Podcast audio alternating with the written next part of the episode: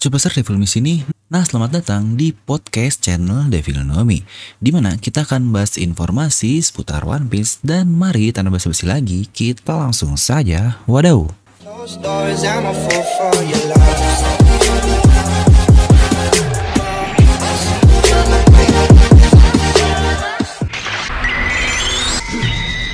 Nah, seperti biasa nih, kita akan mereview One Piece chapter baru di chapter yang ganteng banget. Karena setelah 4 minggu tidak ada libur, anjos.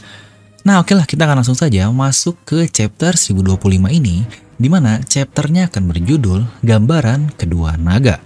Di mana untuk referensinya sendiri, Oda ini mengambil dari lukisan asli terkait dua naga tersebut. Di mana jelas lah ya siapa yang dimaksud dari dua naga yang identik ini. Di mana di sini masih membahas tentang cover requestan dan berisi Usop yang sedang menceritakan kisah kepahlawanannya. Itu pun kepada tim jurnalis lah agar dibuat sebuah cerita. Di mana salah satunya adalah burung-burung yang sedang membuka catatan untuk menulis cerita dari Usop ini, dan satu lagi adalah sebuah oktopus yang sangat besar yang sedang menulis dengan mesin tik.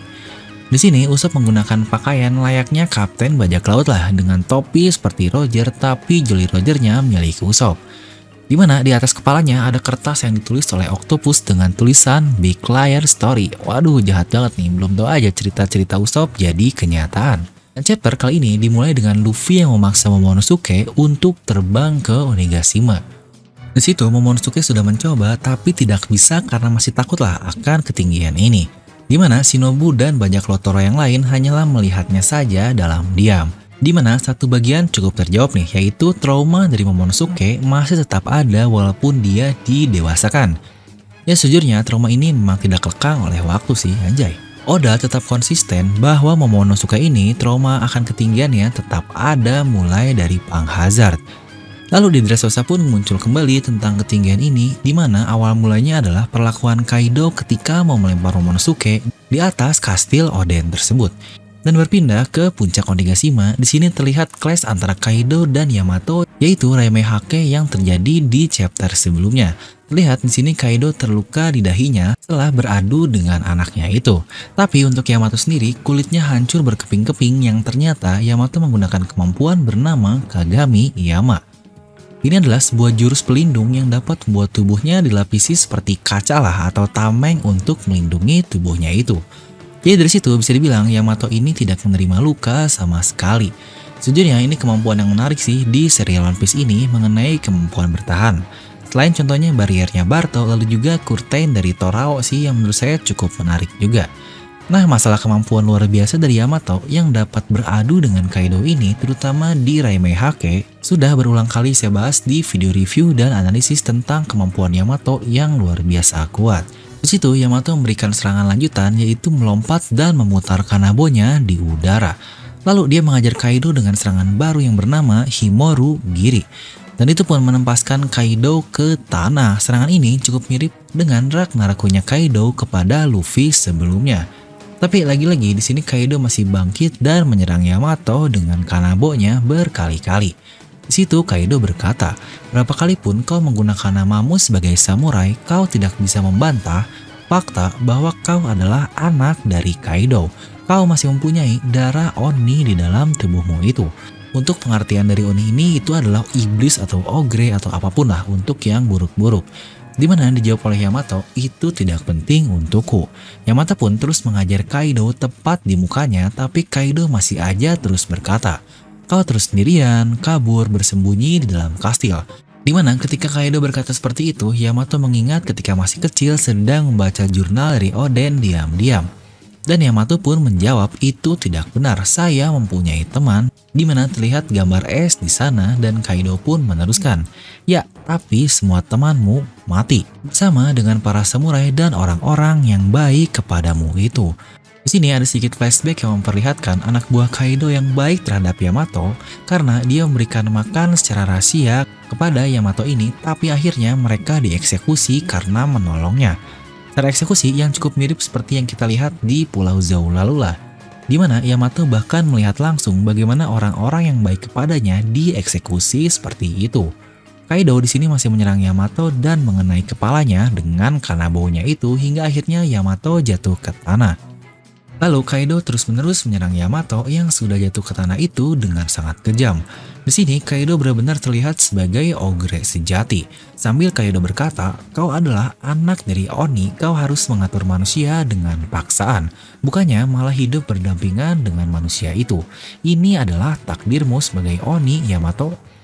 Nah oke, okay, akan kita bahas sedikit nih mengenai satu sesi yang cukup panjang barusan. Kita mulai dari alasan Yamato bisa hidup selama 20 tahun lamanya. Padahal Kaido sendiri dari awal sudah langsung memutuskannya ke dalam penjara dan akan membiar anaknya mati, terutama mati kelaparan. Tapi bagian pertama adalah dia bisa selamat karena ketiga samurai sebelumnya yaitu Ushimaru dan yang lain-lainnya menolongnya keluar dari penjara itu. Dan di sini diberitahu Yamato masih diberi makan oleh anak buah Kaido yang lain secara diam-diam hingga bisa hidup. Tapi orang-orang yang ketahuan ini akhirnya malah dieksekusi oleh Kaido, yang berarti Kaido tidak menginginkan itu untuk anaknya sendiri tetap hidup. Tapi yang mencurigakannya adalah apakah ini benar-benar terjadi full selama 20 tahun Yamato hidup dengan cara seperti itu. Ingat 20 tahun ini bukan waktu yang sebentar loh. Karena bukankah jika Kaido ingin bunuh Yamato sejak lama, kenapa tidak langsung dia bunuh saja?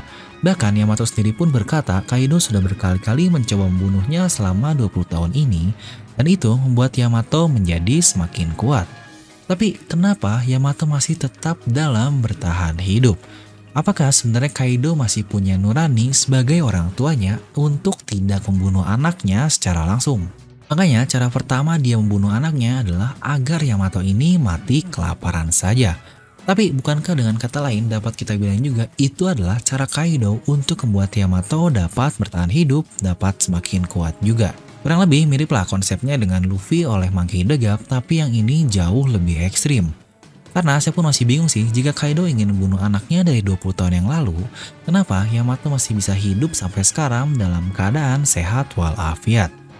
Serta akhirnya terjawab juga nih di chapter kali ini alasan Kaido punya tanduk karena dia ini keturunan suatu ras yang disebut sebagai ras Oni atau Iblis. Di mana semakin menarik sih Kaido ini ras Oni atau Iblis Demon Devil di mana tangan kanannya yaitu King adalah ras Lunarian atau bulan. Emang udah cocok banget untuk kru ini sebenarnya menantang dewa dalam tanda kutip yaitu Tenryubito. Bito. Dan dengan Kaido sebagai Oni, maka semakin cocoklah dengan referensi Oda kepada Momotaro. Selain wujudnya yang memang mirip dengan Oni, tapi ternyata dia juga keturunan dari ras Oni juga. Nah lanjut, kembali ke dalam Luffy dan Momonosuke yang sudah berhasil terbang. Di sini Momonosuke masih terbang dalam keadaan mata tertutup karena masih takutlah akan ketinggian. Momonosuke terbang dengan sangat cepat sekali karena dia bisa sampai ke Onigashima ini hanya dalam hitungan detik lah. Dan ketika Momonosuke ini terbang ke Onigashima, Luffy terus berkata kepadanya mereka harus pergi ke puncak Onigashima ini. Tapi karena Momonosuke pergi dengan mata tertutup, dia malah melewati tengkorak dari Onigashima ini dan malah mengelilingi kastil. Di sebuah double patch yang cukup lucu nih, karena kita lihat Luffy yang berteriak di panggung utama ini di mana masih di atas Momonosuke. Di situ terlihat reaksi dari beberapa karakter seperti Sanji, Queen, Kakekyo, Komatsu, Izo, Marco, Zoro, King, dan semuanya. Lalu Momonosuke pun terus melewati panggung utama sambil Luffy terus berteriak untuk pergi ke puncak. Momonosuke dia malah pusing di sana dan akhirnya naik ke lantai dua Onigashima. Di sana mereka melewati daerah Big Mom yang bertarung bersama Kid dan Torao. Kita lihat reaksi dari Kit yang waduh yang lucu sekali di mana Luffy masih teriak dan Torao berkata Mugiwara ya. Big Mom bisa-bisanya salah mengira jika itu adalah Kaido. Karena dia berkata, Kaido apa yang terjadi? Aduh udah tahu beda warna, dasar nenek tua pikun. Momonosuke terus terbang sambil semua orang yang melihatnya kebingungan. Di mana kembali ke puncak Onigashima, di sini Yamato kembali ke mode manusianya sambil siap-siap menyerang Kaido lagi. Yang kita lihat dari kejauhan Luffy dan Momonosuke sudah sampai ke puncak sambil Luffy terus berteriak. Di situ Kaido pun melihat ada yang aneh dan cukup kaget juga. Luffy berkata kepada Momonosuke untuk maju ke arah Kaido dan situ Momonosuke mengiyakan sambil membuka matanya. Yamato dan Luffy menyerang Kaido bersama-sama walaupun awalnya mereka belum sadar nih satu sama lain tentang keberadaannya. Di situ Yamato menyerangnya dengan Shinsoku Hakujaku dan Luffy ke mode Gear Force Snake Man-nya dengan Gomu Gomu no Jet Wolverine. Di satu double patch yang keren lagi, Luffy dan Yamato menyerang Kaido tepat di mukanya bersama-sama. Serangan mereka menciptakan petir hitam di sekitarnya, dan setelah serangan tersebut, Yamato menyadari kedatangan Luffy dan senang sekali. Luffy berteriak, ya mau kau membantuku mementingkan Kaido, terima kasih. Tapi tentu saja tidak cukuplah waktu untuk reuni. Di double pet luar biasa lagi, Kaido berubah ke Mononaganya sambil bertanya kepada Luffy dan Momonosuke. Bagaimana kau bisa selamat Mugiwara dan siapakah naga ini? Sebutkan dirimu. Di situ Luffy menjawab, aku tidak akan mati apa pun yang terjadi karena aku adalah orang yang akan menjadi raja bajak laut. Dan Momonosuke pun ikut menjawab, namaku adalah Kozuki Momonosuke, orang yang akan menjadi shogun dari Wano Kuni. Hal yang sama yang dia katakan di tiang eksekusi sebelumnya sungguh keberanian luar biasa dari Momono Masum. Yamato pun kaget dan berteriak Momonosuke kun, waduh si bocah yang lalu. Yang gilanya sebenarnya respon dari Kaido ini cuma ketawa doang. Werdororo, jadi kau adalah anak itu. Dunia ini tidak membutuhkan dua naga. Waduh responnya sangat keren parah. Ternyata dia pernah mendengar terkait anak yang makan buah iblis yang sama dengan miliknya alias dapat berubah menjadi naga juga. Dan kata-katanya adalah, gila, dunia tidak butuh dua naga. Wah, keren parah nih. Mungkin ini juga clue terkait jika Kaido kalah, dia akan mati. Nah, sejujurnya nih, yang masih gila banget sampai chapter ini berlangsung adalah daya tahan dari tubuh Kaido ini yang di chapter ini sudah digempur segitu parahnya, dia masih dapat terus bangkit dan bangkit kembali. Nah buat yang belum lihat juga, saya sudah bikin full luka Kaido yang dia terima di perang ini dari video yang ada ini. Sejujurnya saya cukup yakin sih daya tahan Kaido ini yang terkuat lah jika dilihat luka yang dia terima selama ini. Mungkin bahkan di atas banyak laut kuat yang lain seperti Roger, Shanks, dan yang lain-lain lah. Tapi di sini konteksnya di pertahanan saja. Untuk yang Shanks, Roger ini mungkin kemampuan serangnya jauh lebih kuat dibandingkan Kaido.